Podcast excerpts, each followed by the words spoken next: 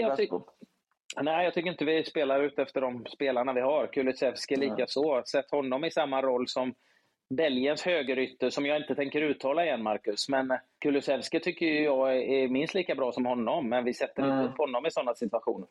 Mm. Jag är dålig på uttal. det. Kör du igång, Marcus? Mm. Sorry gubbar. Ja, jag hade lite eh, Tekniskt. technical difficulties. Ja, det är nej, helt jag vet okej. inte. Jag ska, jag ska gå upp och köpa en ny dator här eh, efter den här podden för att annars kommer jag brinna av igen, tror jag. Eh, men eh, vi gör så här att vi drar igång dagens avsnitt genom att hälsa Julius Bräckan varmt välkommen till Skillspodden.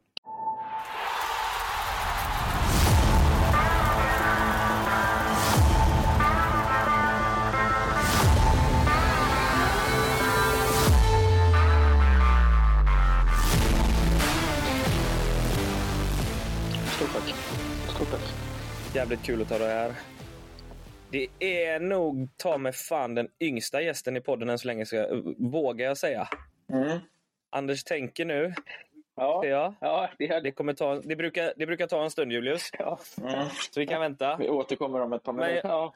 Ja. Exakt. Ett par exakt. timmar. Jag ska bara gå igenom alla avsnitt nu. Ja, ett par timmar. Ett par minuter hade varit fan, det är rekordtid i så fall. Mm.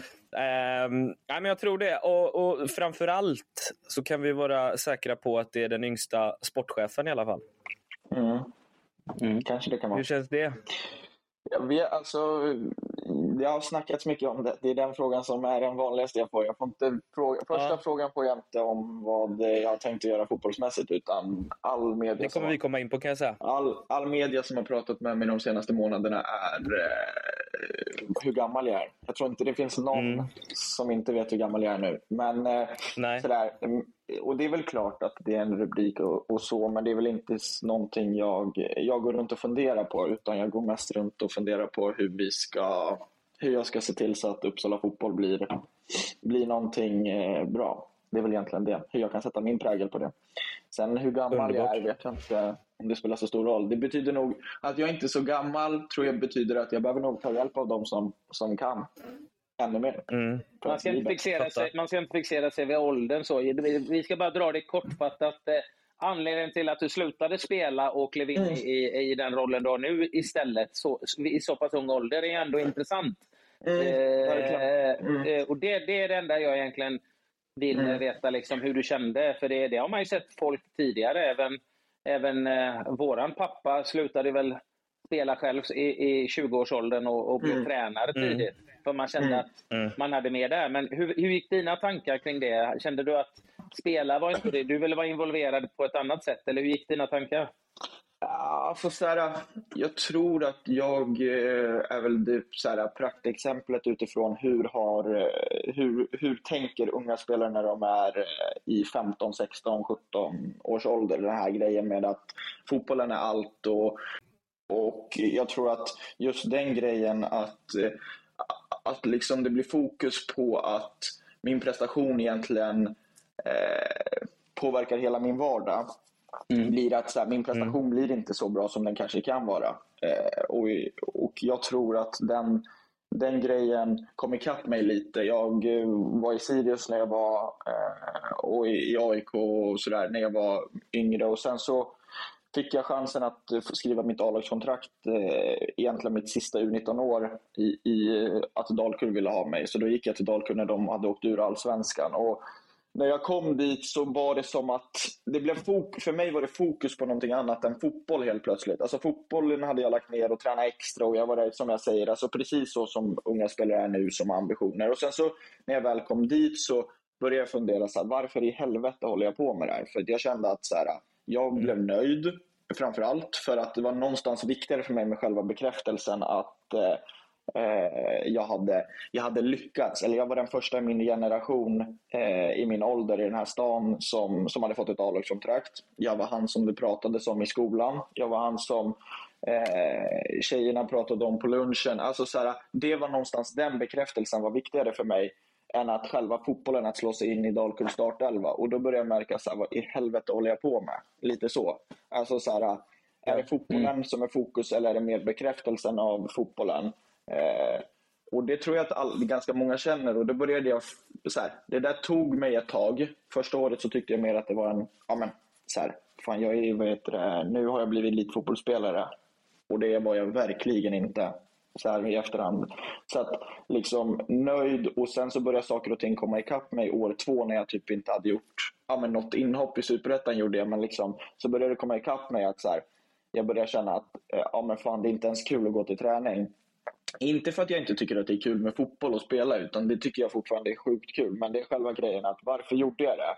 Och så börjar jag kanske bli äldre i mitt huvud och börjar fundera över att så här, ja men det är faktiskt jag, nej, så börjar jag komma fram till att jag gör det ju faktiskt för att någon annan ska ge mig den bekräftelsen att shit vad du är bra. Eller gud, alltså, ja, du, det är du som är fotbollsspelare eller du är det här.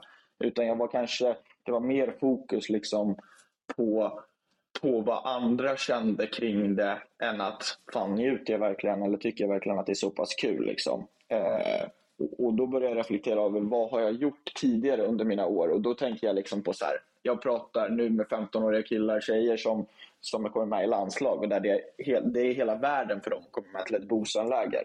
Alltså så här, mm. Och jag börjar reflektera då och det är då jag känner att så här, poletten föll ner för mig att vad fan, jag kanske, alltså jag börjar haja saker. Det att när jag var i den åldern då, då var det, det var inte viktigt för mig att jag skulle vara fyra dagar på Bosa. Det var viktigt för mig att komma med bekräftelsen och kunna lägga ut en bild på Instagram. Alltså, Ja. Fullt ärligt, så är det. Och det, det är jag nog en av få, det finns säkert någon mer som kan erkänna det så här, som har slutat.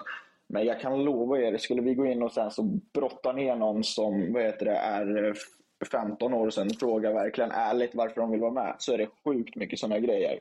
Alltså det är 100% att det handlar jättemycket om att eh, bekräftelsen, för det surras en hel del och, och, det är väl dit jag vill komma. Att, liksom så här, att, att eh, fler unga förstår varför de håller på med det och kanske hittar den här äh, fan vad det är kul och fan vad det mm. är, alltså, snarare än att shit vad jag bryr mig om vad, vad någon annan tycker. Och jag, jag, tror att det var där jag liksom flöt in på att eh, Eh, jag började nog fundera på vad tycker jag egentligen är roligt och då var det så här, eh, jag ska inte sitta i Dalkurds omklädningsrum bara för att eh, eh, bara för att någon annan vill det. Utan jag ska göra det som jag tycker är kul. Och samtidigt så, så fick jag väl chansen att jobba med fotboll på heltid vid sidan av eh, att jag spelade. Så att, eh, en blandning mellan att jag fick en möjlighet i Dalkurd att börja jobba med fotboll eh, i deras akademi men också att jag började förstå att så här, fan, eh, så som det blev kanske inte Alltså, någonstans så hittade jag, hittade jag, det låter jätteklyschigt, men det, någonstans så hittade jag lite halvt mig själv i det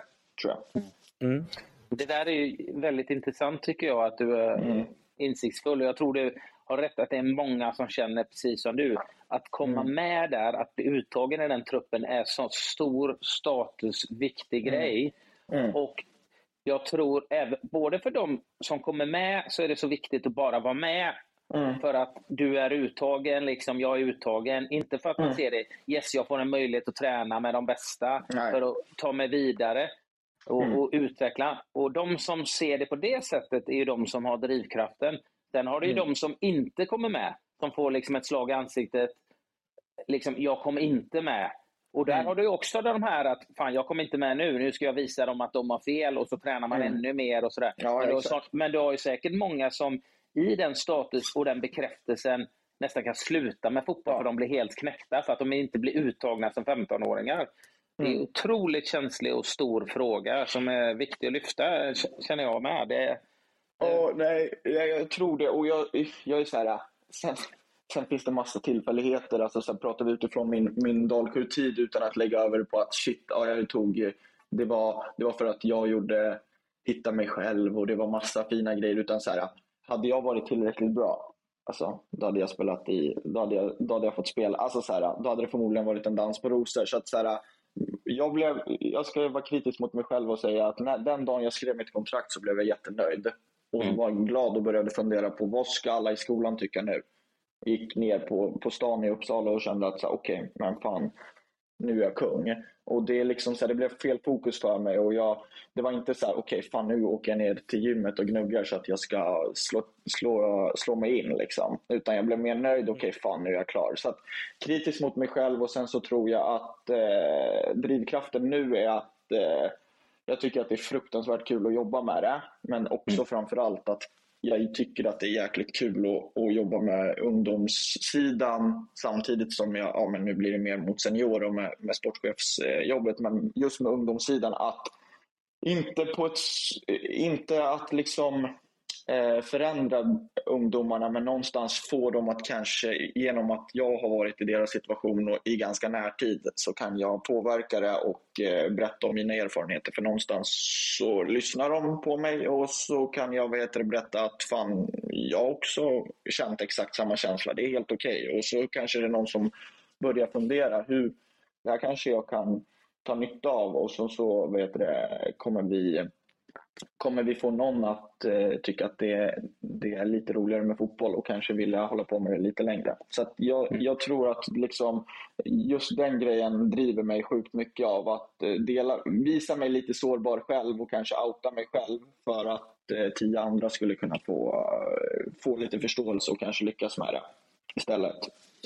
Och må bättre i det då? Ja, lite så. Jag tror att eh, man pratar ofta om att man ska ställa krav på fotbollsspelare, vilket jag är typ den första att skriva under på. Att man, jag tycker att man ska leva som ett fotbollsproffs och jag tycker att det är oseriöst när man skriver under på att jag vill bli så bra som möjligt och sen så ljuger man för sig själv när man håller på med massa skit. Eh, men eh, och liksom inte så här, oh, men fan, du sa att du ville bli hur bra som helst, men fan du har inte käkat innan du kom till träningen. Alltså, så här, du har ljugit för det. Men liksom, jag tror att innan man börjar ställa krav på att vad som händer på planen så måste man alltid se till så att man har en miljö där alla mår bra. Alltså så här, det mm. måste, då, mm. För då blir det mycket enklare.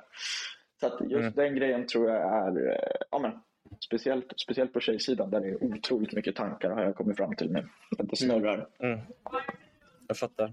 Känner du just att det är annorlunda, Känner du just det du nämnde där, att det är annorlunda med, på tjej och damsidan eh, i ditt sätt att, eh, i ditt jobb så att säga? Eh, vad, är, vad är skillnaderna? Uh, ja, alltså främst tror jag att det har att göra med att eh, alltså, tjejer på ett sätt tycker jag, det är sjukt mycket mer. Är du som fotbollstränare så har jag sagt det till många som håller på och som vill bli tränare och sådär. Ni ska träna tjejer för ni kommer bli ifrågasatta efter en minut in i en träning. Alltså utifrån ditt ledarskap kommer du bli ifrågasatt efter en minut. För att medan killar kan du gå en träning och säga hur mycket konstiga grejer som helst och de kommer inte ifrågasätta dig. För att, men tjejer vill ha det ställer betydligt mer frågor och vill ha det tydligt är rent det generella, vilket jag kan tycka är skitbra. För det blir verkligen så här, det, det, är viktigt att man har ett, ett syfte och du, du utvecklar också tränarna. Så att, men det där tror jag egentligen killar vill ha. Men rent sådär kan jag säga utifrån mig själv, i och med att jag har varit i den här åldern ganska bara för för ett par år sedan så vet jag att liksom många är... Jag tror killar vill ha det och vill fråga men det är lite mer så här, äh, tabu att säga, fråga inför gruppen och visa sig att jag fattar inte eller oh, men varför gör vi det här? Utan mer tjejer, det är mer sådär Fan, vi vill veta hur det här funkar. Varför gör vi så? Alltså, så här, äh, en taktisk mm. genomgång med tjejer det kan ta liksom nu när vi satt här för någon dag sedan med vår F17-tränare. Alltså, det ställs frågor och det, så här, det driver fram dem. Men, eh, killar tror jag. Eh, jag hade velat att jag fick de frågorna när jag jobbade i, i Dalkurd med, med killarna. Mm. Oftare. Jag tror att de, de finns där, men det är lite mer så här, ah, ska jag verkligen fråga? Fan vad pinsamt. Typ så. Jag kan slänga in en, en liten pinne i den brassan och säga att jag håller med till 100 procent. Mm. Jag har gjort ett par tusen individuella träningspass nu de här åren som vi har, har varit igång. Mm. Och, och, jag, utan att pissa på alla här nu, mm. men jag upplever att det är lite högre svansföring hos killarna. Mm. Att, man, att man går in i en träning med mindsetet att det här kan jag redan. Mm. Man går, inte in i ett mind, man går inte in i en träning, jag säger inte alla nu, men många killar eh, om vi ska jämföra killar och tjejer på något sätt, på något plan, mm. så, så går en tjej in och vill bli bättre och tränar för att bli bättre. Och Det gör säkert många killar också, men många killar går in i en sån här träning och tänker det här kan jag redan, nu ska jag visa hur bra jag kan det. Mm. Typ. Mm. Och, och det, det, är liksom inte samma drivkraft i att lära sig att ställa frågor och, och, och våga ta hjälp. Mm. Eh, och, och, våga ta tips och råd. Den, mm. den, den kan jag skriva under på med en gång. Mm. Jag vet inte vad du känner Anders, med dina grabbar? Nej, eh, ja men det, det, överlag så tycker jag ju att killar överlag har eh, sämre självinsikt. också. Mm. Eh, och tjejer är mer eh, lättare att instruera, lite li mer lyhörda kanske och eh, ställer rätt så relevanta frågor. Medan många killar som jag, nu ungdomsfotboll som jag tränar, men det är mm. väldigt, flera stycken där som ändå har en attityd av att eh, kunna och, och eh, mm. kunna saker redan och eh, också en tendens att leta fel hos andra, eh, klaga på medspelare mm. eh, och att det är fel hos alla andra istället. Medan tjejer kan vara mer självkritiska då och kanske ibland lite för, för hårda mot sig själva. Eh, mm. Min känsla. Det kan jag också hålla med om. Absolut. Absolut. Mm. Eh, om vi ska gå vidare lite, bara grabbar. Du, du är med Julius, för att i den här podden så tar vi in gäster med, med olika perspektiv och sådär. Nu eh, är ju du sportchef. Eh, hur, hur ser du på, på svensk fotboll idag? Hur tycker du att vi tränar idag? Tränar vi för mycket? Tränar vi för lite? Tränar vi på fel sätt? Gör, vad gör vi bra? Hur, hur står du i den frågan? Eh, alltså, här, generellt, eh, om man ska dra det liksom i stort, och det är alltid svårt för det är väldigt olika vart man kollar i, i landet. Ja, det är det. Eh, nu har jag haft eh, senaste ja, men två, tre åren har jag varit på, på killsidan på akademinivå och sådär med eh, i en eh, SEF-klubb till och från, eh, i en certifierad akademi som är så här, eh, vi, vi har väl inte varit högst upp i rang så där, så, men man har fått sett de andra klubbarna. Så att, eh, min reflektion så där, utan att jag pratar utifrån en specifik klubb, men rent generellt så tycker jag att det är synd. Eh, på ett sätt så tycker jag att saker och ting går sjukt mycket framåt, för det är precis som vi satt och pratade om här innan, jag och Anders, det är att just det här med att man börjar prata, träna spelare individuellt. Alltså man börjar träna spelare individuellt utifrån eh, att bli trygg med bollen och, och, att man pratar kanske vad har du för utvecklingsområden på planen, inte i det fysiska eller i vad det nu kan vara. Så det tycker jag att det börjar gå framåt. Det är väldigt många människor som jobbar med det och det tycker jag att det borde komma in på lagnivå också. Alltså så här, mm. Jag tycker man kan... Sen är allt det där en ekonomisk fråga. Alltså så här, men de här klubbarna som har eh, mer pengar, så här, kan man investera i en individuell tränare? Alltså kan man investera i en individuell tränare så kanske det kommer ge någonting mer på sikt. Liksom. Kan, man, eh, kan det ge pengar tillbaka sen i slutändan? Så att, det är väl den, men sen så är jag, eh, nu kommer jag säkert få tillbaka till mig att någon tycker någonting, men jag tycker att det är för jävla mycket snack om den här belastningen och att man tränar för mycket och man ska vara så jäkla försiktig och, och sådär.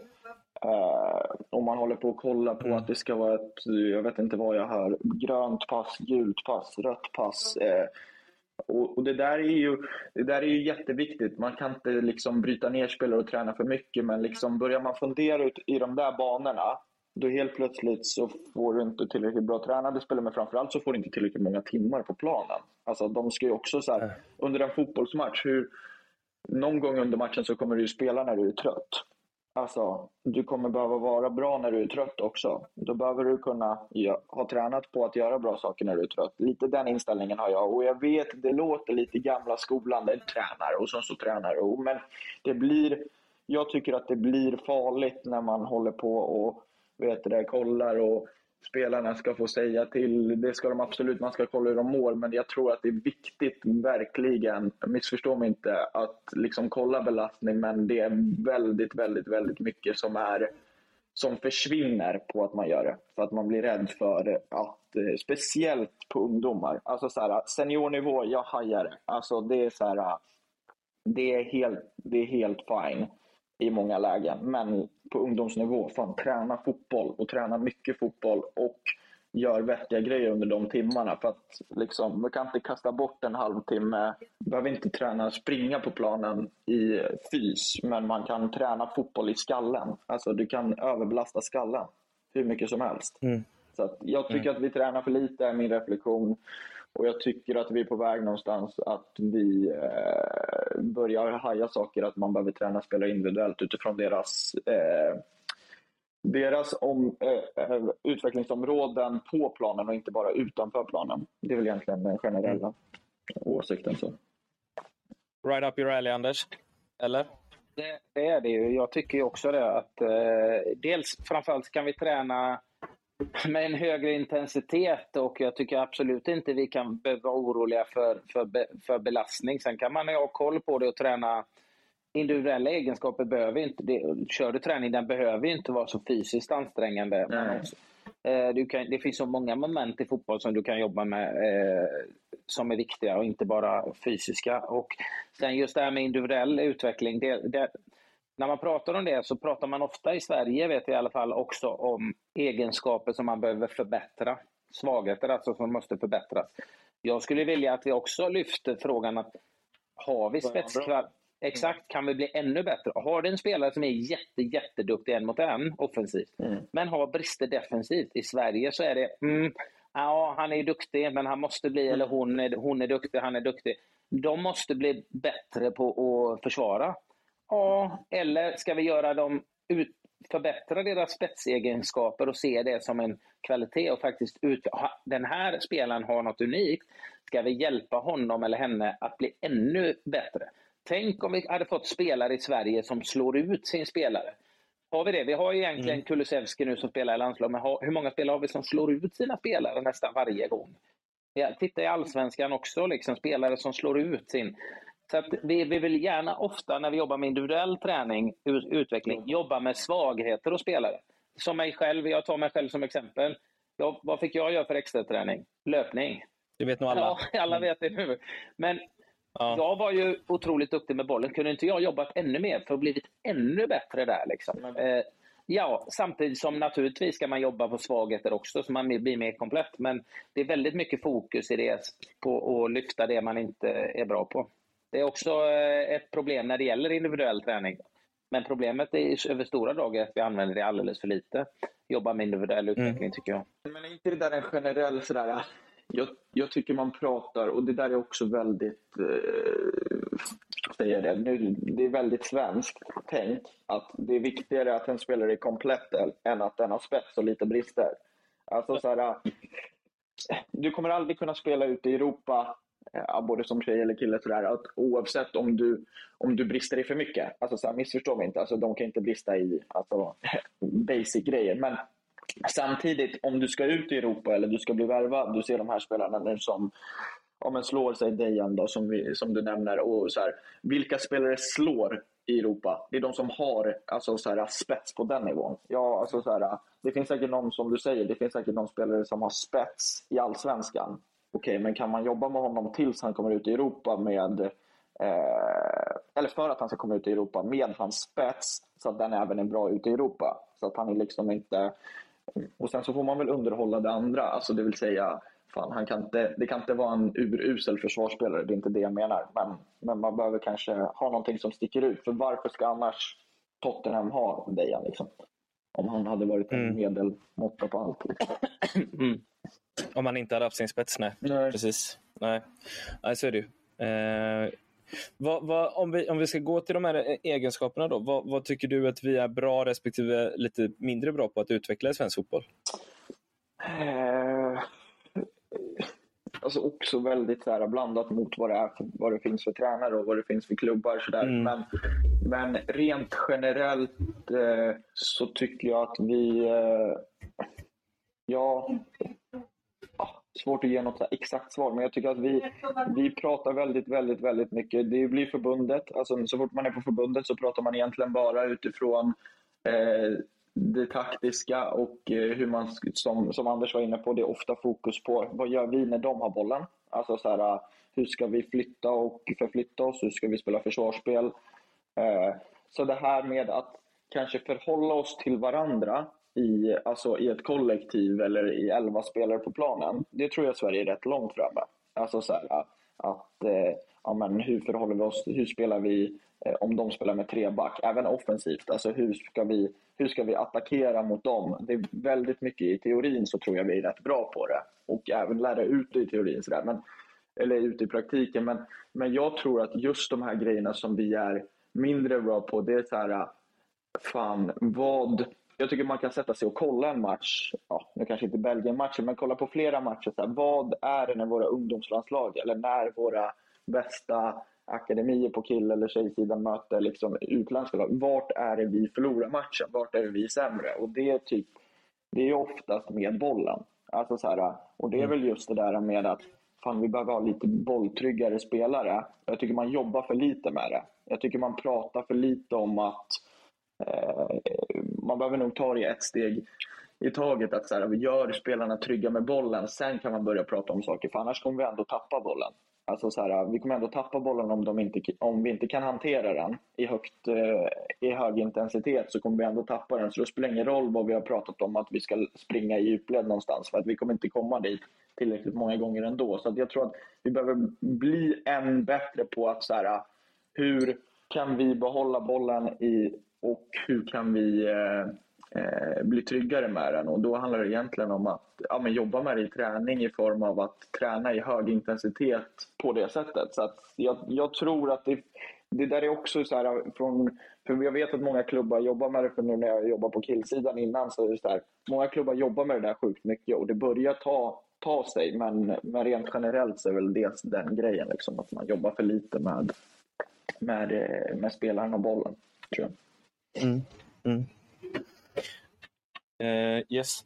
Vad, jag, jag, jag kommer skita lite i våra, våra standardfrågor som vi har från och med nu. För att jag, jag vet att, jag hörde på dig tidigt när vi pratade om din ålder att du var väldigt inne på, du, du lät ganska sugen på att prata om vad du, hur du ser på din roll som sportchef och, och vad du vill mm. göra bra i din roll som sportchef. Mm. Hur, hur ska du liksom, har du, någon, har du någon strukturerad plan för hur du ska förbättra IK Uppsala fotboll i din roll? Mm. Vad är dina mål för klubben? Liksom?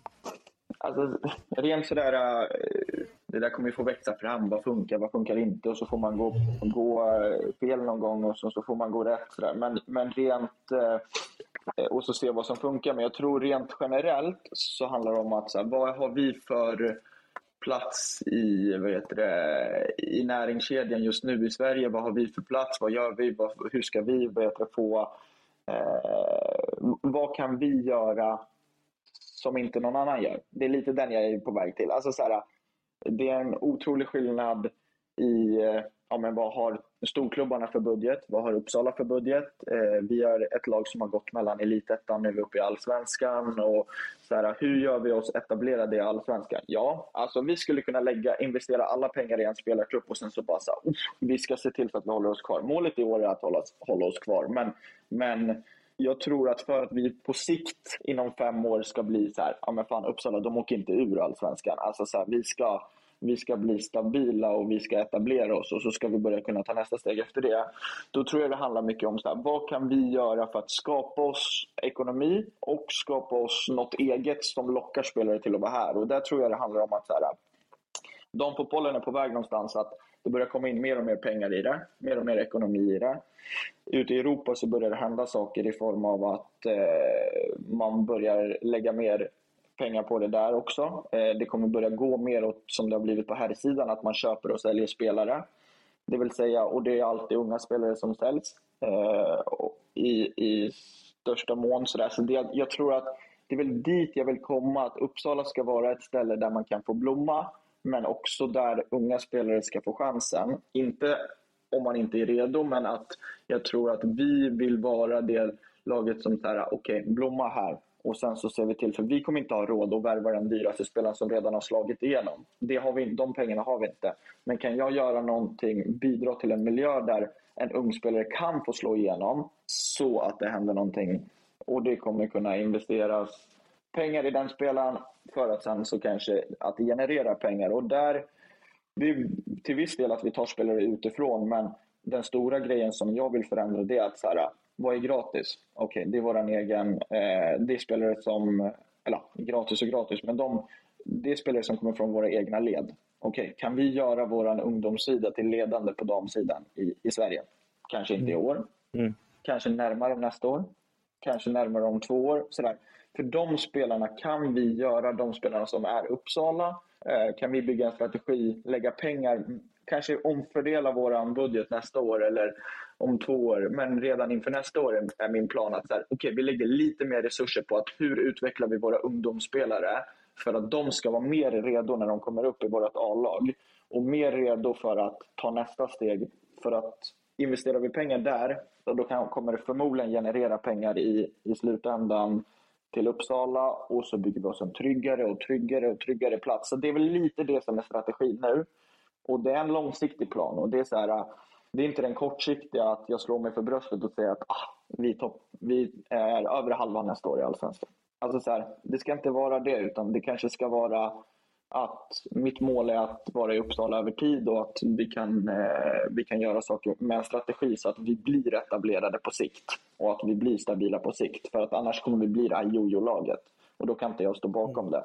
Om jag ska så här, värva in etablerade allsvenska spelare som inte håller för de andra klubbarna så ska vi hålla oss kvar med nöd och näppe varje år. Ja, det behöver man göra till en början. Jag tror att liksom, kan vi hitta någon strategi för att bygga oss, eh, se om vårt egna och, och liksom så här, fan vad, vad är gratis för oss? Alltså så här, vi har våra egna spelare, vi har ett bra upptagningsområde i Uppsala, vi har studenternas. Så här, kan vi lägga lite mer resurser i form av att duktiga tränare på våra ungdomslag? Hur ska vi jobba med våra ungdomsspelare så kommer de klara av att spela i i vårt A-lag och sen så, så här, okej, okay, hur gör vi för att de ska få möjlighet att lyckas i vårt A-lag och sen ta sig vidare. Så det är väl lite där jag står. Sen så får väl någon berätta för mig om ett par år att shit, det där var jävligt dumt. Det där skulle jag inte ha gjort. Det var skitdumt. Så att, ja. I mina öron låter det magiskt. Mm. Vad säger du Anders? Ja, jag är intresserad. Hur ser ungdomsverksamheten ut? Har ni lag i alla åldrar? Eller? Ja, alltså, rent sådär, nu är jag ju ny inför år och jag, jag har ju varit, jag är av den där skolan, eller skolan av att jag, jag tycker att man ska träna fotboll mycket från tidig ålder. Eh, och då blir det alltid, då går man in i den där diskussionen, hamnar man på sidan att Ja, och så är det någon som säger att ja, men nej, det ska inte selekteras och det ska inte göra det här och det är elitsatsning i för tidig ålder och så, så har man gått in i den diskussionen. Och det är liksom så här. Jag försökte förklara för någon, någon arg förälder här när jag jobbade i Dalkurd att så här, i någon annan förening att det är ingenting hemskt vi håller på med med våra tioåringar, alltså när man tränar fotboll, utan det handlar mer om att så här, fan, det finns ett, en efterfrågan bland tioåriga killar då i den, när jag jobbar i Dalkurd. Att liksom så här, fan, de vill träna fotboll mycket. Jag tror på att fan, påverkar man dem från att de är tio år, ja, då ökar nog möjligheterna till att de, ja, men det här med att bli trygga med bollen, kan vi göra det när de är tio år redan? Fan, alltså, då är vi på en god väg. Inte börja när de är 15. Så att, men svaret på frågan är väl rent sådär äh, att jag skulle vilja jobba med yngre åldrar, men det där är alltid en så här, vad vill klubben ha för strategi? Men nu, nu har Uppsala ett, eh, ett F15 och ett F17 eh, och ska egentligen ha ett F19, men vi har inget F19 under året utan vi har eh, lagt det på F17 främst i år. Och då, men på sikt kanske komma ner en eller två åldrar till i Uppsala. Men det där är väl någonting som får växa fram. Men just det att så här, fan jobba med de här 14-15-åringarna som kommer in hos oss. Eh, och det är sent. Och, och, det är liksom så här, eh, ska jag bygga den här strategin? Alltså så här, ska, den här, ska vi ha spelare som kommer upp i vårt A-lag och börjar bidra och är redo, ja, men fan, då kanske vi behöver påverka dem från att de i alla fall är 13. Alltså, så tror jag. Och, eh, de, de, som vill, de som vill och de som har eh, eh, alltså som, som vill träna mycket fotboll, då tror jag faktiskt att så här, ge dem möjligheten till att göra det. Sen, för det är ingen som har tvingat någon att gå ner och träna fotboll fyra eller fem gånger i veckan. Alltså så här, det är ingenting hemskt vi håller på med. För det, jag tycker ofta det blir så här, man pratar om man kommer in på elitsatsning eller vad säger man, selektering eller sådär. Och då är det alltid med negativ klang. Alltså så här, man blir alltid, jag vet att BP har blivit sågade i alla år. Ja, men alltså det är ett framgångsrecept ändå. Alltså så här, jag vet inte. Jag, jag, tycker att det låter, det låter så mycket värre än vad det är. Så min nya grej är att jag säger att det ska vara elitsatsning, men det ska vara kul.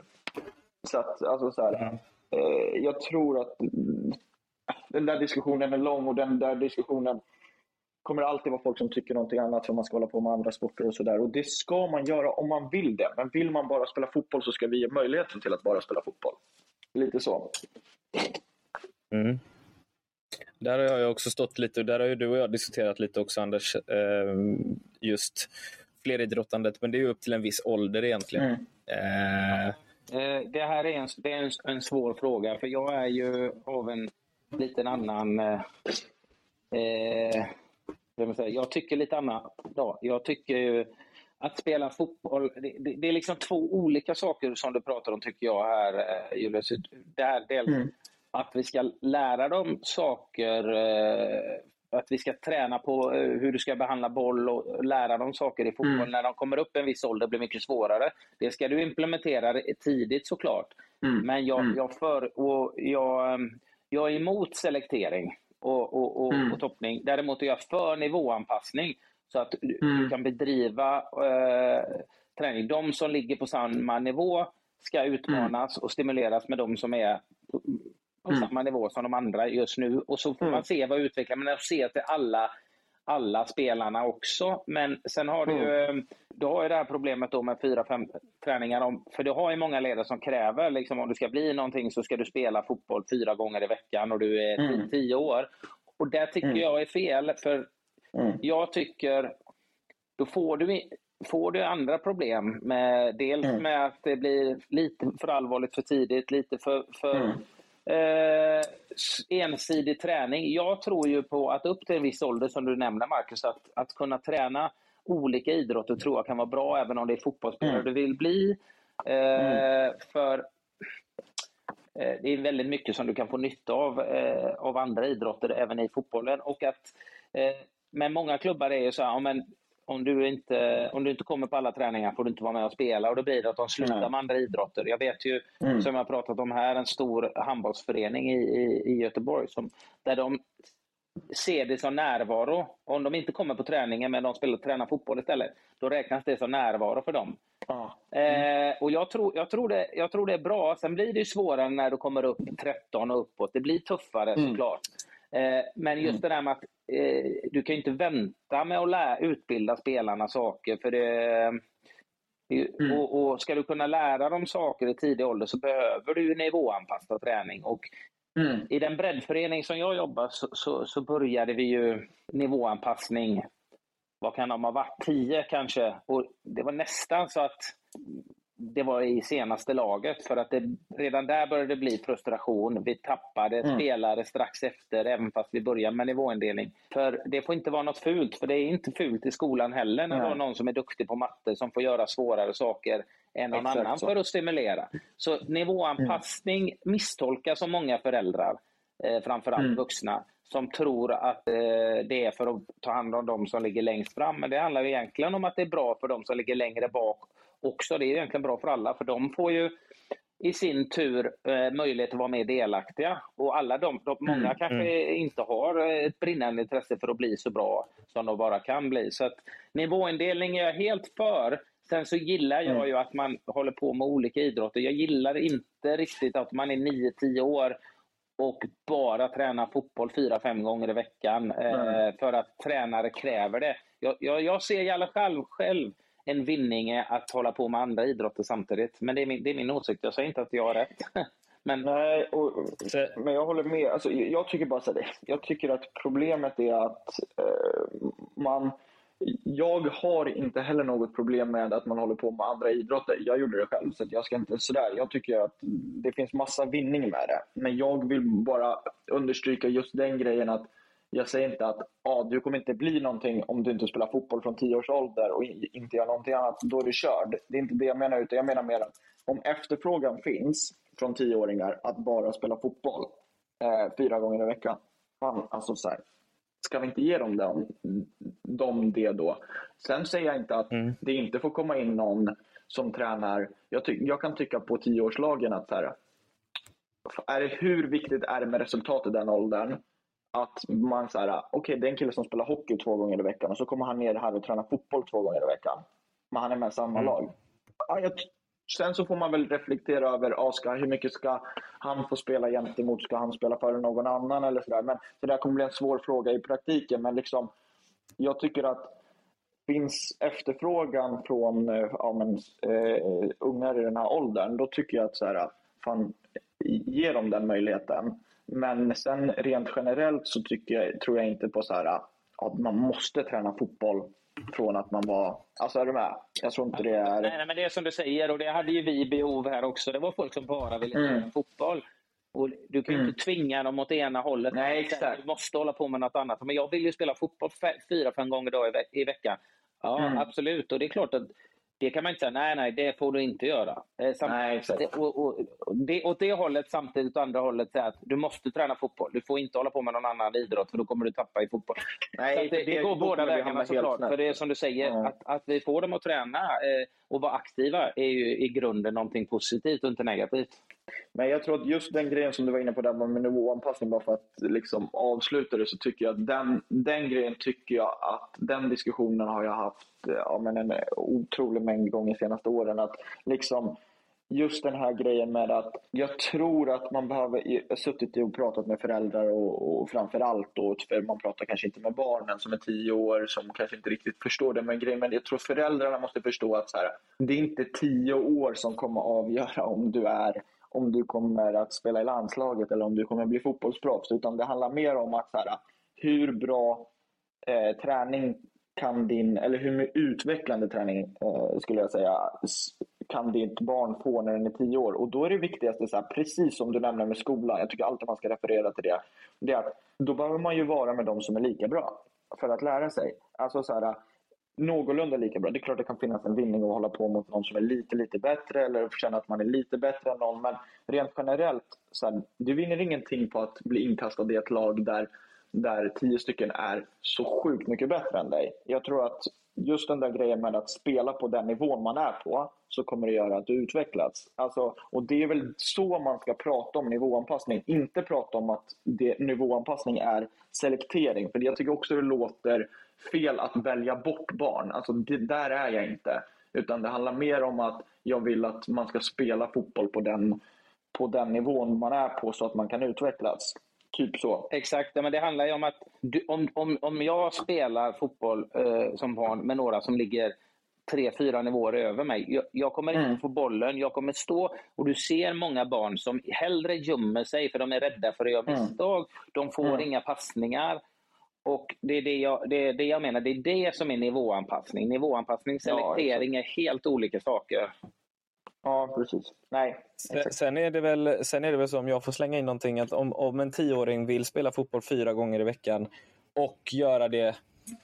Alltså jag vet inte alltid om man kan koka ner det till att den tioåringen vill ha fyra stycken uppstrukturerade lagträningar i veckan. Ja. Nej, spontanspel är ju det Den- absolut bästa du kan göra. Ja, men, ja, men jag menar det. Och, och I takt med att spontanidrotten har dalat lite de senaste åren, ganska kraftigt får man väl ändå säga, Mm. så skulle ju en klubb oavsett nivå kunna arrangera spontanidrott istället för en uppstrukturerad, inte hård, inte högintensiv, inte lågintensiv fotbollsträning på 90 minuter, men kanske spela fotboll i 90 minuter.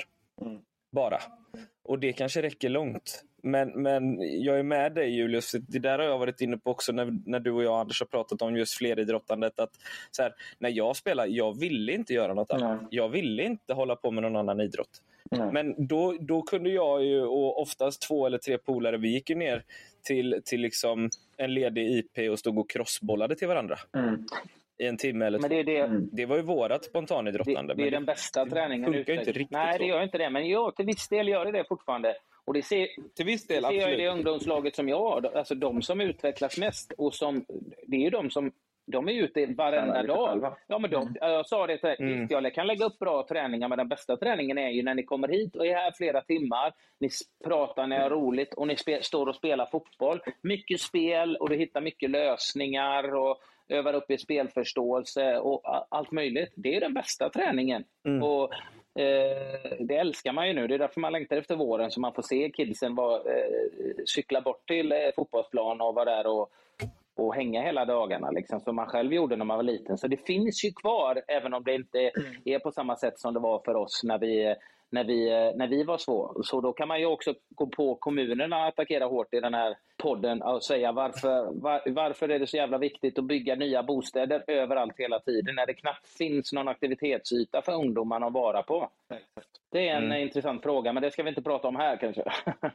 Nej, men det, bara för, ett tillägg kring det där med spontanspelandet. Den här diskussionen tycker jag, den dök upp nu när jag började jobba med, med eh, på, på damsidan. Att rent generellt, eh, säger jag igen nu så fint, det är att jag tror att eh, Eh, det är väldigt lite så på tjejsidan. Väldigt, väldigt lite så på tjejsidan. Och det är mm. någonting som så här, Spontanidrott? Ja, väldigt, väldigt, ja. väldigt lite. Det så här, och det finns ju en risk så här, ja, eh, rasten i skolan. Alltså, börja där.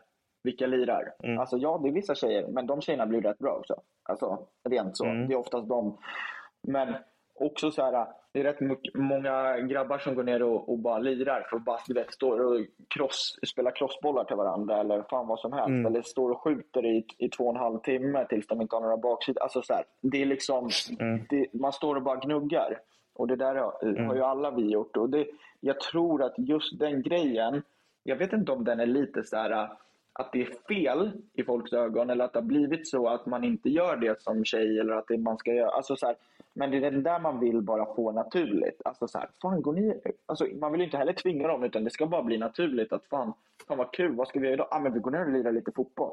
Nu ser jag inte att alla är så. Mm. Och de som är duktiga, då hör man ju så här, fan nej, hon har varit på planen i alla år. Ja, det är oftast de som, blir, som ni säger, som Anders säger, det är, den, mm. det är ju oftast den bästa träningen. Alltså så här, mm. du hittar egna lösningar på det. Du hittar, något, du hittar situationer för du får spela en mot en i tre timmar. Liksom. Och framförallt är det, alltså, det är Framförallt så är, nej, de som gör det, det är ju de som har ett driv inifrån mm. också. Mm. Och, det, och en glädje till sporten ja, också. Exakt. Glädje och driv. Mm. Och det är ju det som tar dig långt om du, om du nu vill gå långt. Och det är, uh, det är de som har det här drivet att hela tiden bli bättre och som älskar att spela och träna för att mm. bli bättre. Ja, exakt. Och det, och det skulle sägas att det vi pratar om nu kanske landar i att vi pratar mycket om de som faktiskt vill mm. gå långt. Mm. Det kommer ju alltid finnas de som spelar fotboll för att det är kul. Mm. Då kan du för fan hålla på med bowling och innebandy och dart upp till att du är 30. Det spelar liksom ingen Nej, och det, det måste finnas så här,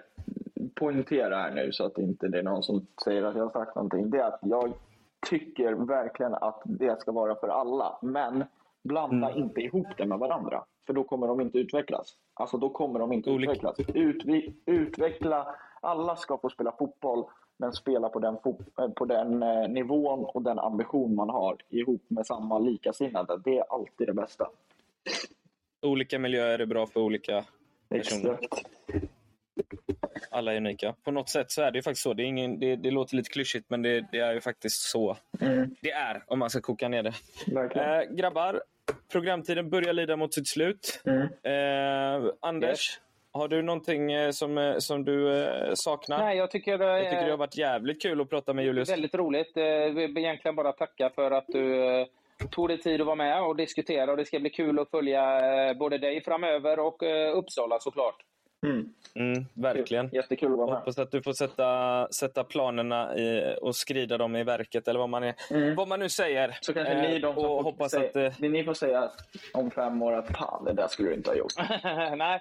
Nej, men jag tycker att du, du har en sund inställning. För du, du, du har ju tankar och, och idéer som du vill implementera. Sen så lär man sig vad som funkar och som inte funkar. Det är ju erfarenhet och kunskap som man samlar på mm. sig under tiden. Sen så, så att det, du har en sund inställning till det. Liksom. Det är inte tro att du sitter på alla svar, utan du har några tankar och idéer. Och så får man se vad som funkar och vad som man behöver justera lite av de idéerna. Ja, och sen är det rätt fint det här med så här, ja, säg, skulle jag prata med någon av er utanför, alltså så här, eller träffa på någon annan. Det är rätt många som kan det här. Alltså det är rätt många som kan fotboll. Och det är rätt många som har gjort saker.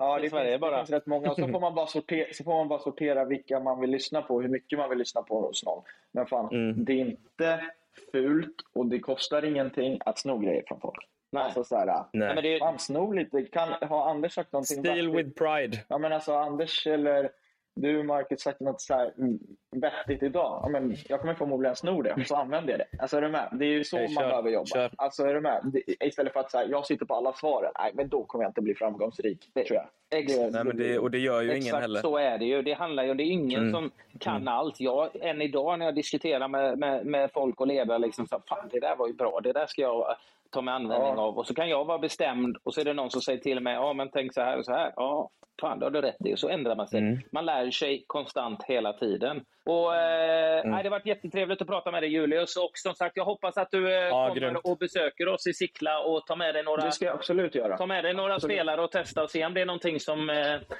som du, du kan tänka dig eh, att eh, använda. Och vi vill ju gärna hjälpa till med individuell träning och vara ett komplement Mm. till, till föreningar och tränare. Så det, är- det är ju därför vi inte Det måste vi göra. inte här för att ersätta någon lagträning, för det går inte. Men däremot vara ett komplement, gärna. Mm. Mm. Ja, jag tycker det är skit. Vi håller kontakten Julius och så löser vi det. Ja, men jättekul. Jättekul att jag fick vara med. Trevligt att prata lite fotboll. Tack så jättemycket. Det är vi som ska tacka. Grymt. Sköt om dig nu. Grymt. Fortsätt kriga.